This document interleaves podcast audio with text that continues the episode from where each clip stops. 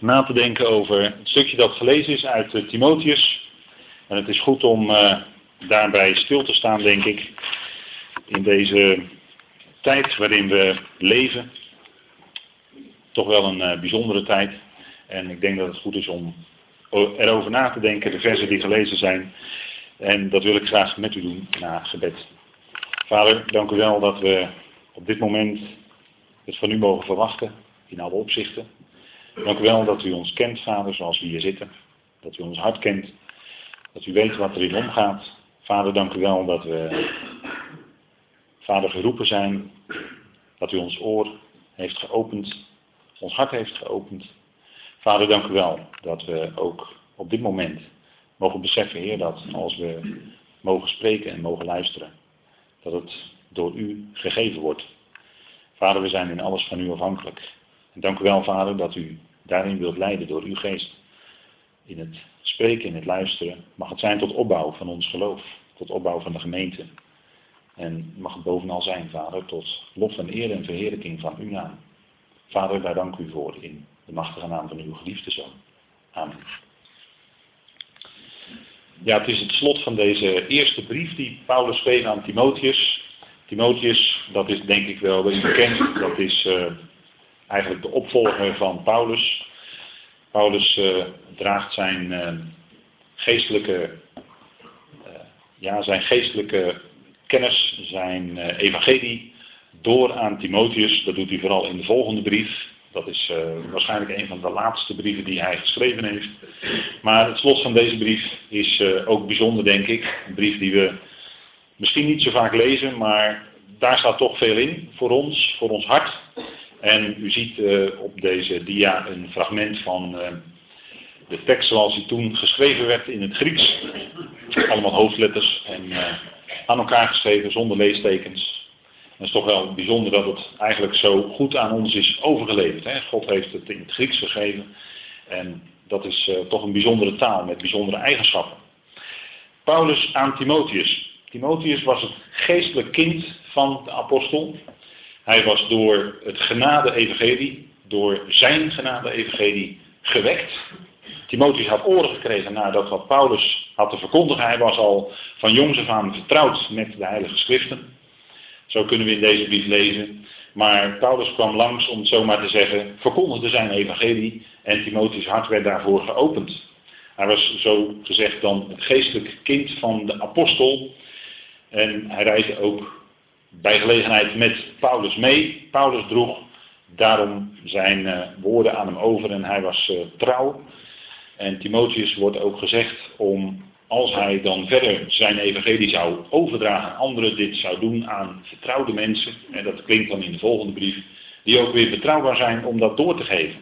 Nou, Paulus die uh, zag in Timotheus iemand die, uh, die hem opvolgde, zo leidde de Heer dat in het leven. En Timotheus betekent, dat is een hele mooie naam, betekent waardevol voor God. Ik kan ook zeggen waardevol door God, want dat is natuurlijk ook waar.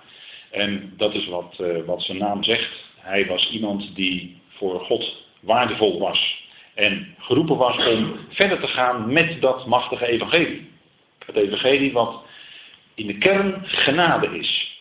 En wat uh, klinkt in de brieven van de apostel Paulus.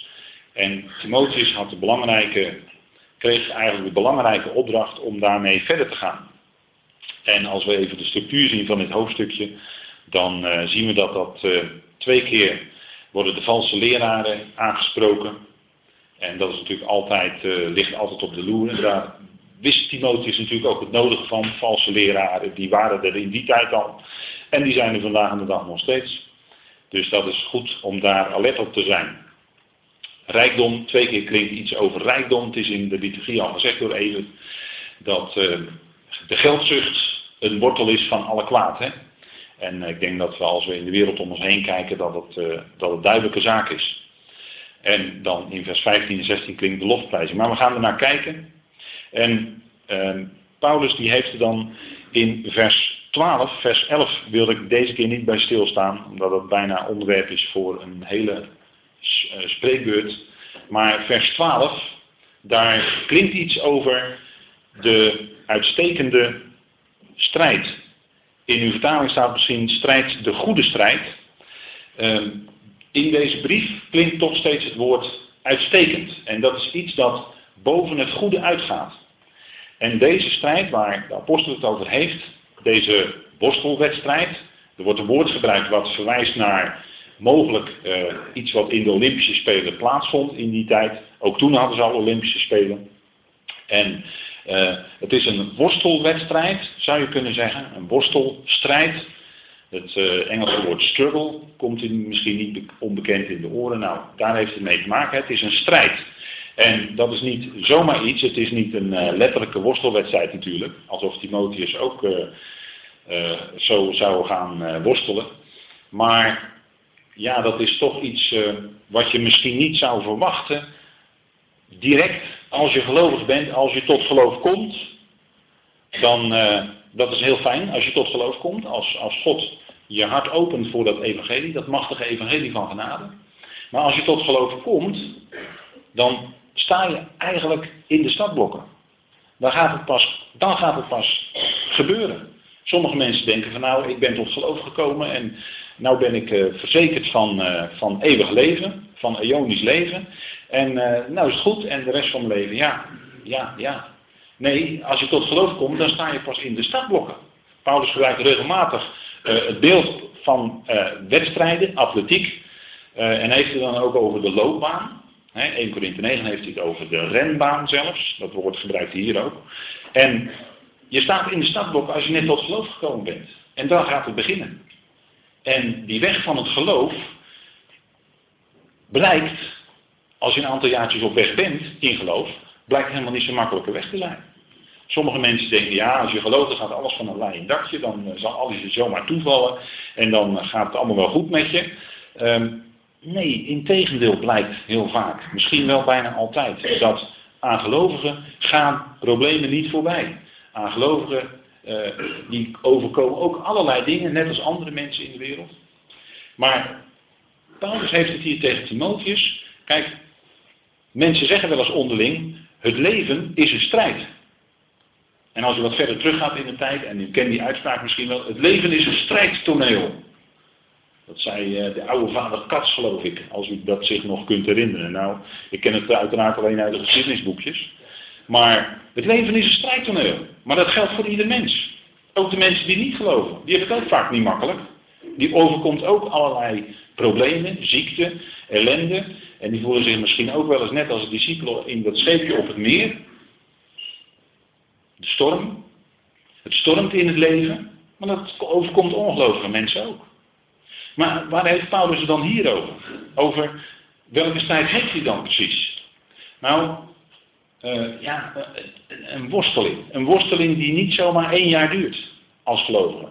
Maar het duurt eigenlijk gewoon je hele leven als gelovige. Dus als je tot geloof komt, dan sta je aan het begin van een weg die helemaal niet makkelijk is. Maar het is een worsteling. En zeker voor Timotheus, die toevertrouwd kreeg wat hij van Paulus hoorde en wat hij door ging dragen. Welke wedstrijd is dat dan? Nou, die van het geloof. Het gaat hier om een bijzondere worstelwedstrijd. Die van het geloof. Want geloven, ja, dat is iets wat je in de praktijk doet. je leeft, je wandelt in geloof. Paulus zegt ook in een andere brief, wij wandelen in geloof of door geloof, niet in dat wat wij waarnemen. Geloof, en dat maakt het voor ons vaak moeilijk. Geloof doe je in, eh, doe je in God, maar je kunt God niet zien. Je gelooft in de Heer Jezus Christus, maar je kunt hem niet zien. Het is allemaal onzichtbaar. Paulus heeft het dan ook in het stukje over de onzichtbare God. Je gelooft in onzichtbare dingen. En uh, ja, die onzichtbare God, die blijkt dan hoe langer hoe meer, als je op weg bent, blijkt eigenlijk hoe langer hoe meer dat jij misschien wel allerlei dingen wil sturen en regelen. Maar hoe langer hoe meer blijkt dat God de dingen leidt en stuurt en regelt. En uiteindelijk kom je gaandeweg tot het besef, ja, uiteindelijk ben je volledig in alles eigenlijk van hem afhankelijk. Maar het is een strijd, het is een worstel, een worsteling van het geloof. Dus uit het feit dat je een gelovige bent, dat je gelooft, daar komt een heel stuk strijd uit voort. Hè? Dus de worsteling De worstelwedstrijd van het geloof. Komt uit het geloof voort. En uh, Paulus die zegt zelf over zijn eigen leven, in, in die tweede Timotheusbrief, zegt hij nou, ik heb die uitstekende worstelwedstrijd geworsteld. Die wedstrijd van het geloof is namelijk uitstekend. Als je in deze eerste Timotheusbrief kijkt, dan, en ook in de tweede komt het wat minder voor, maar daar zie je steeds dat woordje uitstekend. Dus dat is boven het goede uit. En die uitstekende worstelwedstrijd, die had Paulus geworsteld, zegt hij. En zegt, ik heb de loop tot een einde gebracht. dat woord loop heeft, daarmee verwijst hij naar die renbaan. lopen is niet wandelen gewoon, maar lopen betekent hier vanuit het Grieks rennen. Het is die renbaan, het is die atletiekbaan. Waar iedereen rent en ieder moet dan binnen zijn eigen baan blijven. Doe je het niet, word je gedisqualificeerd. En dat geldt ook eigenlijk in geestelijk opzicht. Zo. Degene die in de renbaan lopen, die van het geloof, ja, kom je over je lijntje heen, dan is het een soort disqualificatie. Ik wil niet zeggen dat je je Ionisch leven kwijtraakt, zo niet. Maar wel voor wat betreft het geloof. Die principes die gelden voor het geloof. Ik heb het geloof, zegt Paulus, vastgehouden. En dan kun je zeggen, ja, er staan drie keer, ik heb. Was Paulus dan zo'n geweldige kracht, krachtpatser? Was hij dan zo'n geweldig iemand die zo geweldig kon worstelen? zoals die uh, echte worstelaars enorm veel moeten trainen. En dan krijgen ze flink body en dan kunnen ze goed worstelen. Was Paulus dan vanuit zichzelf kon? Nee, natuurlijk niet. Elke keer als Paulus moest spreken, dan was hij zich bewust dat zijn bekwaamheid niet zijn eigen werk was. Dat zegt hij ook in een andere brief. Maar zijn bekwaamheid was uit God. En dat geldt ook voor ons. Als wij iets kunnen doen in geloof, als wij wandelen in geloof, en, en misschien uh, constateren wel, nou het gaat eigenlijk best goed, het is een hele worsteling, het, het is vaak moeilijk, maar het gaat. En dan is die bekwaamheid is niet ons eigen werk, maar het is Gods werk. Dat, dat zouden we altijd beseffen. Nou, Paulus zegt aan het einde van zijn loopbaan, zegt hij dit tegen Timotheus. Ik heb het geloof vastgehouden. En het geloof, dat betekent dan ook dat machtige evangelie, die geweldige boodschap, die hij mocht brengen aan alle naties. Hij was de apostel van de natie, de leraar van de natie. Nou, daar zijn wij ook van. En daarom zouden we ook naar hem luisteren. En dat is wat Timotheus doet.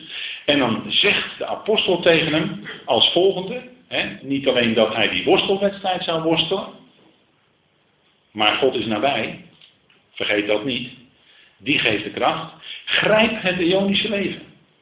Wacht even, hoe kan dat nou? Want we weten toch dat in Romeinen 6 staat dat het Ionische leven een genadegeschenk is. Het is toch in genade ons geschonken. We hebben er toch niets voor kunnen doen. Klopt, blijft ook zo.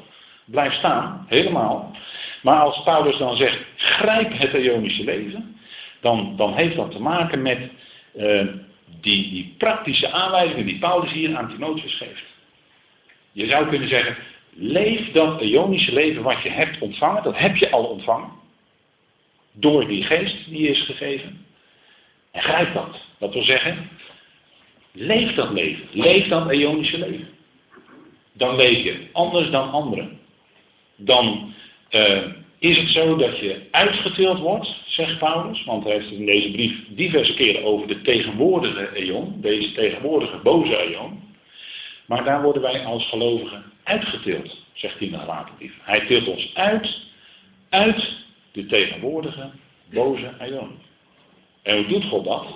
Hij doet dat door zijn evangelie ons te geven, door zijn geest ons te geven, waardoor wij anders gaan denken. Daar begint het mee. Verandering van denken. En het tweede punt is dat ons leven daardoor ook gaat veranderen. Dat is het tweede punt. En, en Timotheus, die had zijn lichaam ook gesteld tot een levend, heilig en God welgevallig offer. Dat is het tweede punt.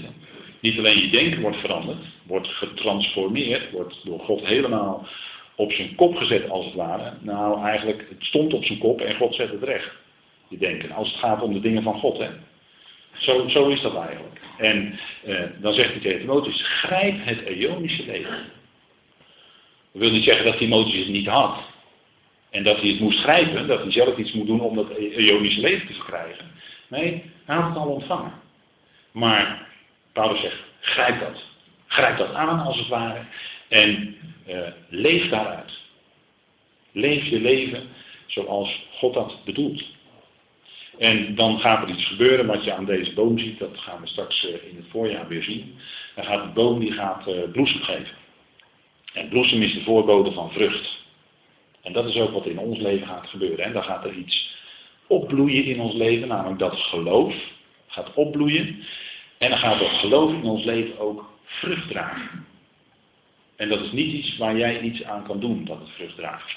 Want zoals het in de natuur gaat, dit, dat, dat groeien van die bloesem, dat gaat vanzelf. En als die werking van God, als die werking van die geest van God in ons leven bezig is, dan ontstaat daar, eerst gaat het opbloeien, gaat ons leven opbloeien en daarna ontstaat daar vrucht. Vrucht van God in ons leven. En dat is wat uh, Timotheus ook ervoer.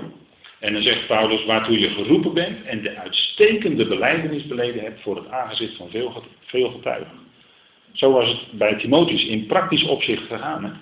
Hij had die uitstekend, let op het woord uitstekend. Hè? Het is niet de goede beleidenis, het is de uitstekende beleidenis. Het gaat er bovenuit. Of ideaal kun je ook zeggen. Voor het aangezicht van veel getuigen. En wat is dat? Dat is opkomen voor de waarheid. Opkomen voor de waarheid. En, en als gelovigen mogen wij die waarheid van het evangelie kennen. En, en heel veel mensen om ons heen die geloven niet. En die kennen dus die waarheid van het evangelie ook niet. Dus die leven zonder dat ze het weten, niet in de waarheid.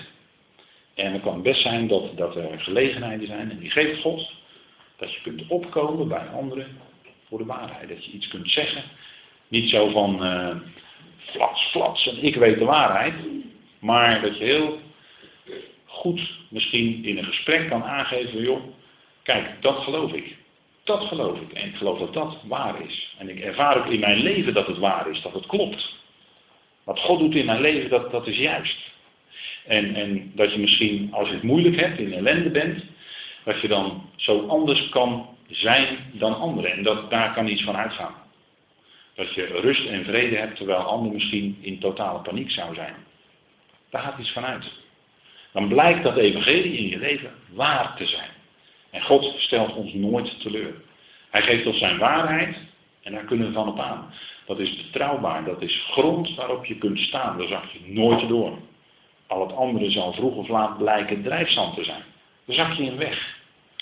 En dat is wat we mogen geloven. Het evangelie is namelijk dat de levende God er is, die redder is van alle mensen, in zonderheid van de gelovigen. Zo kijken we dan ook naar die anderen. Dit is de waarheid. Dat die levende God er is, die redder is van alle mensen, in zonderheid van de gelovigen. Wat een geweldige boodschap is dat. Dat is iets waar, we, waar je elke keer als je dat weer beseft, daar word je blij van. Dat is genade. Dat God die ander, die zich misschien op een manier gedraagt waarvan jij zegt van nou, dat is eh, niet helemaal happy zoals diegene zich gedraagt. Maar kijk achter wat er, wat er achter dat gedrag zit. Hè? Wat er achter dat niet happy gedrag zit. Daar zit vaak een hele wereld achter. Van misschien wel eh, ja, van jongs af aan. Allerlei dingen in het leven gebeurt. En nochtans kijkt God en, en, en je beseft steeds meer. God kijkt zo anders naar mensen dan dat wij dat doen. Wij kijken tegen mensen aan. Maar God kijkt in het hart van die mens. En overziet het hele leven van die mens. En kijkt daarnaar in liefde. Nou, God is redder van alle mensen. In zonderheid van geloven. Die geweldige boodschap kreeg Timotheus mee. Paulus zei tegen hem, tegen hem ook, beveel en leer dit. En daarom werd Paulus gesmaad. En daarom zou Timotheus ook kwaad leiden. Zegt Paulus ook tegen hem. Dat is eigenlijk ongelooflijk dat je zo'n goed bericht hebt, zo goed nieuws hebt. En toch zegt Paulus tegen Timotheus, leid kwaad met het evangelie. Want mensen zitten daar niet altijd op te wachten. Mensen zitten niet altijd te wachten op de boodschap dat God de redder is van alle mensen. Die, komt die er dan ook? Of dat, die vervelende, of die figuur in de wereldgeschiedenis, die dictator, komt die er dan ook uiteindelijk? Ja, maar wij weten niet alles. En God wel. En, en dit is de waarheid, dat God de redder is van alle mensen. Niet voor dat de mogelijkheid bestaat dat die mensen ooit gered kunnen worden als zij kiezen. Nee, God is de redder van alle mensen. Bijzonderheid van de gelovigen. Dat is wat er staat. En dat is de waarheid. En die waarheid, die kent Timotheus. Nou, wij leven in de boze eon. Paulus heeft het diverse keren over de tegenwoordige eon. En in die boze eon is de ware vijand van het geloof de tegenstander en de machten van de duisternis. Want die zitten niet stil. Bij geloof gaat het, zei ik net, om onzichtbare dingen. Gaat het om geestelijke dingen. Ja, het woord ding is vervelend, maar kan niet anders, moet even zo gebruiken. En de tegenstander en de machten van de duisternis zijn voor ons ook onzichtbaar. Maar denk erom dat voor Paulus en voor de Timotheus dat wel degelijk voelbaar werd. Als zij op weg gingen met het evangelie, als ze dat evangelie gingen spreken. En als het woord gesproken wordt, is er altijd, rondom het woord, is er strijd. Altijd. En dat heeft te maken met de tegenwerker en de machten van de duisternis. We leven in de boze eon. We leven op de rand van dat deze boze eon overgaat in de volgende. En dan gaan er een heleboel dingen gebeuren. Juist in geestelijk opzicht. Dan wordt de tegenwerker in het midden van de jaarweek wordt op de aarde geworpen. Dat weet u wel. En, en we leven dicht tegen die tijd aan. En als het gaat om het evangelie wat Paulus verkondigde, dan zijn daar allerlei vurige pijlen. U ziet ze hier op dat plaatje. En we hebben dat langschild, waarvan? Van het geloof. Het geloof, daar gaat het om. De strijd, de ideale strijd van het geloof, zegt Paulus tegen Timotheus. En in die strijd hebben we een geweldige wapenrusting, een geestelijke wapenrusting, die van God, om die vurige pijlen van de tegenwerker te kunnen doven. Daar pareren we mee, met wat we geloven. Zijn allerlei vurige pijlen. Een vurige pijl is laster. Laster is iemand willen beschadigen met uh, onterechte aantijging. En dat gebeurt in, op het gebied van geloof gebeurt dat regelmatig. Dat mensen beschadigd wordt door dingen die gezegd worden, geroddeld worden. En dat zijn vurige pijlen. Maar wij schuilen dan achter dat lange schild van het geloof. Zodat die vurige pijlen ons niet treffen. En, en, en mogelijk ons geloof beschadigen. En, en, en uiteindelijk misschien zelfs zouden, zouden eh, verwoesten. In zekere zin. Hè? De, de, ervaring van dat geloof. De tegenstander en de machten van Duitsers zitten niet stil. En zullen er alles aan doen om die boodschap die Paulus brengt, te verhinderen. Om die te dwarskomen. Op allerlei manieren. En telkens als dat gesproken wordt, dan is daar strijd. Vurige pijn. En daarom is uh, het zo belangrijk wat Paulus hier tegen Timotheus zegt. Timotheus is op weg, ook in geloof. In navolging van de apostel. En dan zegt hij dat, dat Timotheus getuigd heeft voor die waarheid. Voor God die alles of het al levend maakt. In de NBG-vertaling werd net gelezen die alle leven wekt. Dat is wel waar, maar dat staat hier niet. Hier staat net iets anders. Hier staat meer.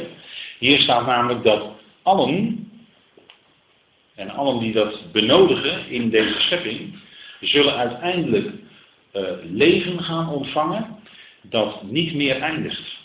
De mensheid, daarover spreekt Paulus in 1 Corinthië 15, wordt in drie fasen levend gemaakt. Dat wil zeggen, zij zullen dan opgewekt worden uit de dood zonder daarna ooit weer te sterven. Zo is Gods plan. En zo ontwikkelt zich dat. Hè. Dat gebeurt in drie stappen. En, en al het andere wat levendmaking behoeft, zal ook levend gemaakt worden door God. Zo zegt Paulus dit tegen Timotheus. Hè. De God die alles levend maakt. Die alles leven geeft om ook niet meer te sterven. Dat is een geweldige kracht natuurlijk die daarvoor nodig is. Nou, die kracht die bleek op de dag van de opstanding. Toen God zijn zoon opwekte uit de dood. De tegenstander dacht dat hij het voor elkaar had. Maar God wekte hem op. En gaf hem leven. De eerste die levend gemaakt werd, was de zoon zelf. God gaf hem leven. En hij is de enige die nu levend gemaakt is. dat zegt Paulus ook in dit stukje. Ehm, en Jezus Christus die getuigde voor Pontius Pilatus de uitstekende beleidenis. Paulus gaat er nog even op door, hè? dat niet alleen Timotheus, maar Al eerder had Jezus Christus getuigd voor Pontius Pilatus van de uitstekende beleidenis. En wat getuigde de Heer daar? Wat getuigde de Heer Jezus daar?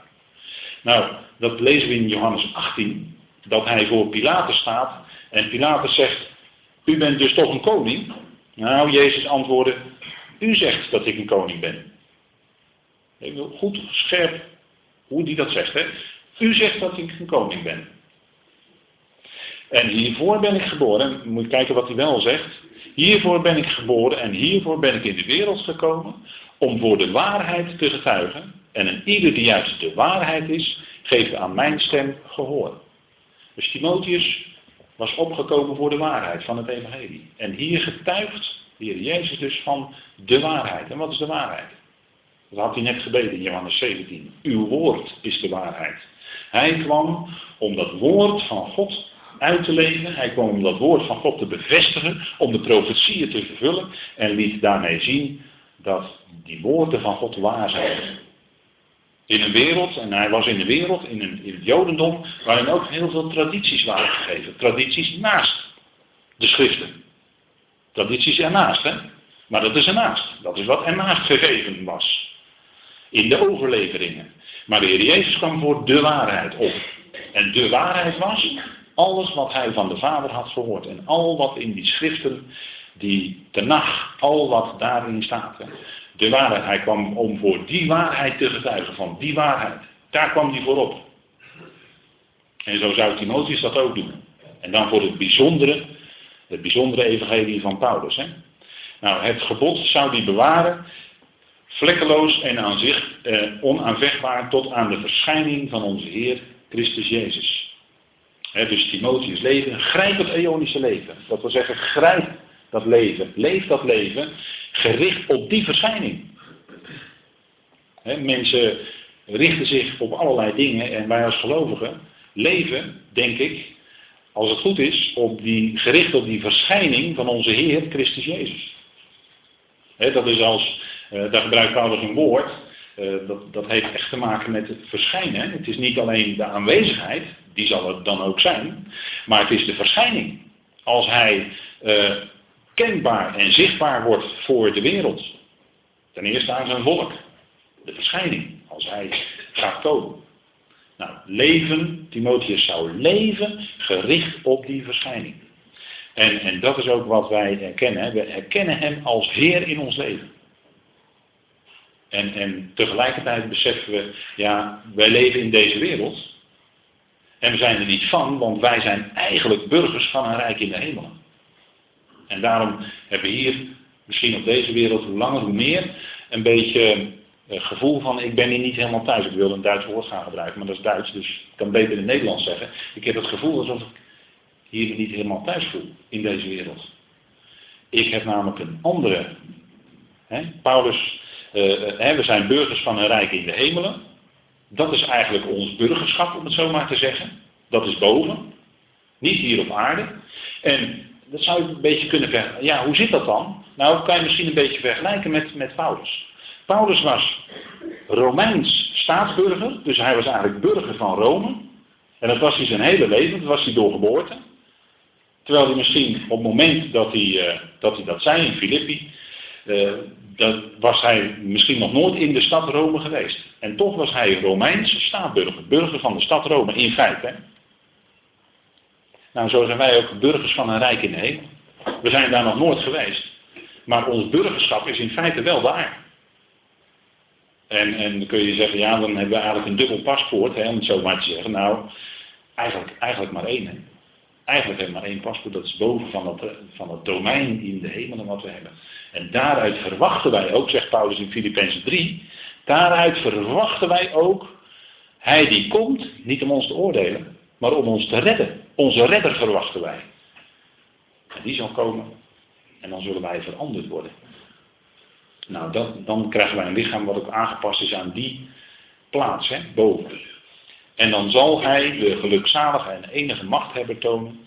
Hij is koning van de koningen en heer van de heren. Dat zal blijken als hij verschijnt. Dan zal blijken dat de heer de koning van de koningen is en de heer van de heren. De totale macht hebben. En Paulus zegt, hij heeft alleen onsterfelijkheid. Dat heeft te maken met het leven maken. onsterfelijkheid wil zeggen, je zult nooit meer sterven. Er zijn alle mensen naar op zoek, of veel mensen zijn daarnaar op zoek. Naar mensen willen graag zo lang mogelijk leven en dat ze eigenlijk een beetje hang hebben naar onsterfelijkheid. Maar onsterfelijkheid wordt ons pas gegeven op het moment dat de Heer komt en ons levend maakt. Dan ontvangen wij ook onsterfelijkheid. Dat is iets heel bijzonders. Dat woord gebruikt Paulus niet zo vaak, maar een keer of drie. En dat wil zeggen, nooit meer dood kunnen gaan. dat is iets heel bijzonders. En hij is de enige, zegt Paulus, de Heer Jezus Christus is de enige die nu onsterfelijkheid heeft. Want wij gaan de Heer tegemoet, misschien bij ons leven. En alle anderen zullen eerst sterven. er zijn velen al gestorven, maar die zullen bij, in de dag van de opstanding, in de dag van de bezuin, zullen zij levend gemaakt worden en onsterfelijkheid ontvangen. Pas dan, en niet eerder. En hij bewoont, zegt de apostel, een ontoegankelijk licht, die geen mens waarnaam nog waargenomen kan worden. Het ontoegankelijk licht. Paulus zag, Saulus zag weg naar Damascus dat licht. En daar was er drie dagen blind van. En verder, mensen kunnen hem nu niet zien, wij kunnen hem nu niet zien. En het zal pas blijken in de dag dat hij komt, dat hij waargenomen kan worden. Hij bewoont nu een ontoegankelijk licht. En dat is iets fantastisch, hè? Dat is licht. Totaal geen duisternis. Licht. Heerlijkheid. En dat is iets wat wij ook gaan ontvangen. Daar zijn we naartoe op weg. En dan zegt Paulus, hem zij de eer en Ionische macht. Amen. En als je amen zegt, dan zeg je, dat geloof ik. Dat is betrouwbaar. En die woorden van de apostel, die zijn ook betrouwbaar. Dat is de waarheid die we geloven, waar we door leven. En, en het leven is niet makkelijk. Dat is een worsteling. De worsteling van het geloof. Het geloof. Iets wat we ook niet aan onszelf kunnen vasthouden, maar God geeft het ons. En, dagelijks staan we op en beseffen we dat Hij er is. Dat Hij ons omringt. Dat Hij ons ook deze dag draagt. En daar danken we God voor. dat is iets geweldigs. Hem die de eer heeft en de eonische macht. Zo'n grote machthebber. Die zo dicht bij ons is. Die zo betrokken is bij ons leven. Ieder detail van ons leven ook kent. U omringt en kent mij. Dat is iets geweldigs om, om door te leven, die waarheid. En dan zegt Paulus tegen de rijken, nou rijken, jullie zijn uh, rijk, maar wees daar niet hooggezind. Hè. Ga daar niet prat op en zeg niet, uh, uh, kijk niet neer op anderen, niet hooggezind zijn. En verwacht het ook niet van de onzekerheid van de rijkdom. En dat woord wat er staat is eigenlijk onduidelijk. Maar onzekerheid is denk ik ook een goede weergave van de praktijk. Hè, want rijkdom is helemaal niet zeker. Je kan het vandaag hebben en morgen kan het vleugeltjes krijgen en het is weg. En wat denkt u? Eh, mensen kunnen zich rijk wanen en ja, dan komt er inflatie en dan blijkt ineens allemaal, nou goed. Ik zal u niet vermoeien met allerlei economische, want daar weet ik veel te weinig van. Maar verwacht het niet van de onzekerheid van de rijkdom. Dat is iets wat onduidelijk is. Wat onze ware rijkdom is, dat is die schat. als je een schatkist wil, nou, dan, dan zou ik zeggen, eh, ga die brieven van de apostel Paulus lezen. Dan heb je de ware rijkdom. En dat is ook wat hij zegt. Hè? maar van God. In tegenstelling tot die rijkdom, en dat is misschien voor ons mensen op het eerste het even makkelijker, kan je vastpakken, kan je tasten, kan je voelen, hè, die rijkdom, maar van God, de onzichtbare God. Verwacht er daarvan, want dat is veel zekerder. God is gisteren, vandaag en morgen is hij dezelfde. En je gaat hem steeds beter leren kennen. Want hij is wel dezelfde, maar als je hem gaat leren kennen, dan, dan ontwikkelt zich dat steeds meer en je gaat God steeds dieper leren kennen en blijkt hij steeds anders te zijn dan je denkt. Geweldig, hè? De redder van alle mensen. En hij geeft ons alles rijk om van te genieten. dat wat we hebben ontvangen, daar genieten we van. Daar kunnen we van genieten. Er is niks mis mee. En, en Paulus zegt dan, werk het goede en wees rijk in uitstekende werken. Heb je het weer? Uitstekende werken, zegt hij tegen de rijken. Nou, dat is vrijgevig zijn, hè? mededeelzaam zijn.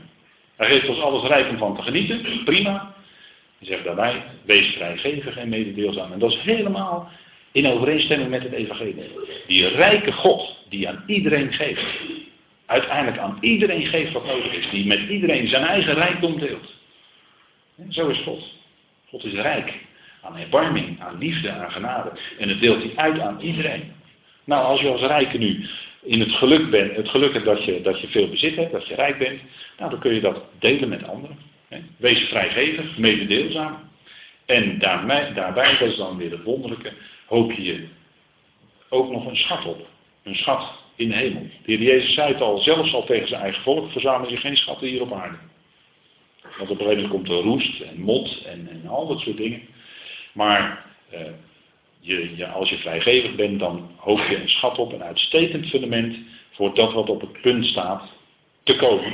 kun je er dan bij denken dat wat op het punt staat, opdat ze het werkenleven mogen vatten. Dat betekent leef gericht op je toekomst. Want die toekomst is geweldig. En daar kun je vandaag mee leven, met die rijkdom. dat is uh, een, een, laatste aanwijzing aan Timotheus. En dat is een met veel emotie erin. O Timotheus, zegt hij, bewaak. Hij zegt niet alleen bewaar, maar hij zegt bewaak. En dat is tegelijkertijd bewaren. Het jou toevertrouwde. Die machtige boodschap. Dat geweldige geloofsgoed wat hij van Paulus had gehoord. Dat zou hij bewaken. Dat is een hele ernstige, ernstige dit hoor, tegen Timotheus van Paulus. Bewaak het jou toevertrouwde. Die boodschap, hou dat vast, bewaak dat. Laat het niet uit je handen glippen. En dan waarschuwt Paulus voor de filosofie van deze wereld. Hij waarschuwt voor religie. En beide kunnen ons afleiden van het geloof. Want het gaat om de worstelwedstrijd van het geloven. En wat je kan afleiden van geloof is filosofie. Denken van mensen. Mensen die heel, misschien heel diep hebben nagedacht dat heel mooi kunnen formuleren. En uiteindelijk heb je niks. He, filosofen die kunnen hun hele leven filosoferen en aan het eind blijkt dat het niks is. De, het is. Het is leeg. Het is leeg, zegt Paulus. Het is ook dwaasheid. Hè? De wijsheid van deze wereld is dwaasheid voor God. En, en soms betrap je erop dat, dat je inderdaad constateert dat het zo is, ja.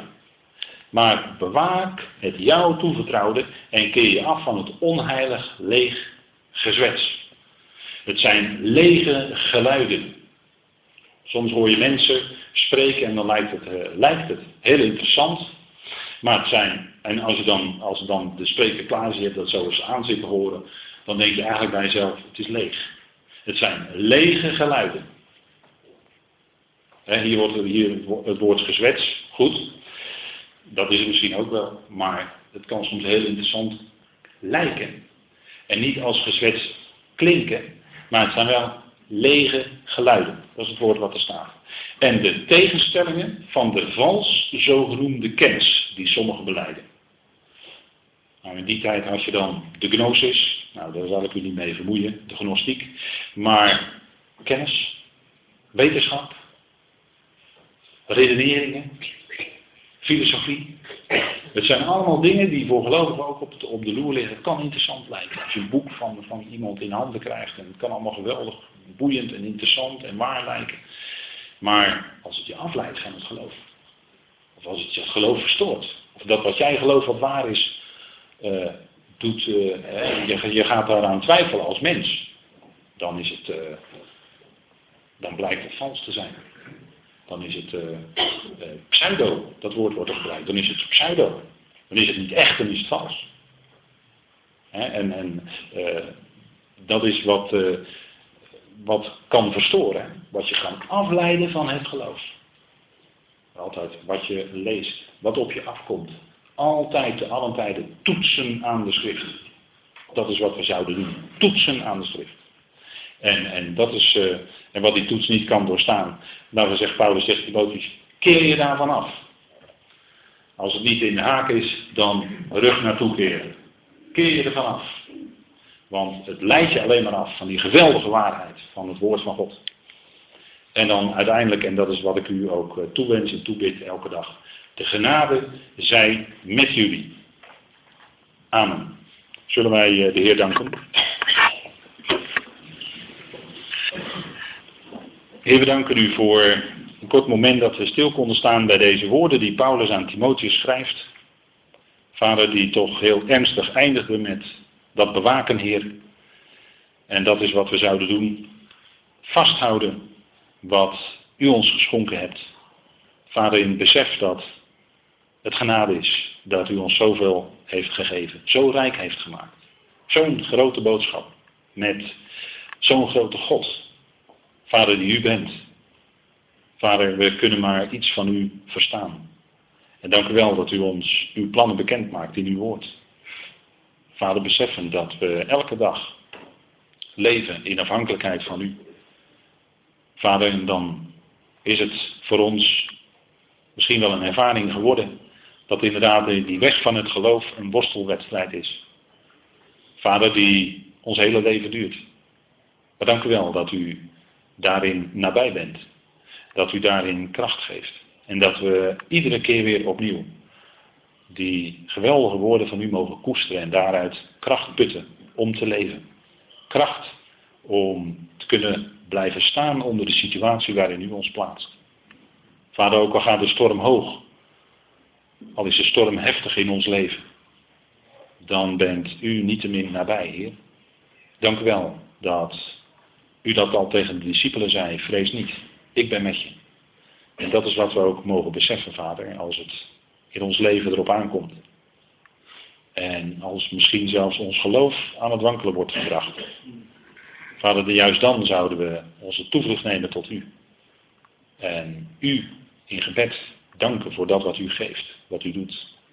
Vader, dat het niet buiten u omgaat. Dat het nooit buiten uw liefde omgaat. Vader, dat u alles doet samenwerken ten goede. Vader, dat is zo'n geweldig iets. Dat elke dag in dat besef leven. Vader, dank u wel dat we waardevol, waardevolle dingen lezen die Paulus aan Timotheus schrijft. Waardevol die we ten harte kunnen nemen, Vader, en beseffen dat we leven naar die geweldige toekomst gericht. Leven als burgers van een rijk in de hemelen. Nog wel hier op aarde, nog even, Vader, maar dank u wel dat u ons tot dat moment dat de bazuin gaat zal dragen. Vader, we danken u voor die verzekering. In de machtige naam van uw geliefde Zoon, onze Heer Jezus Christus. Amen. Goed, ik stel voor dat wij eh, als afsluiting van de dienst zingen met elkaar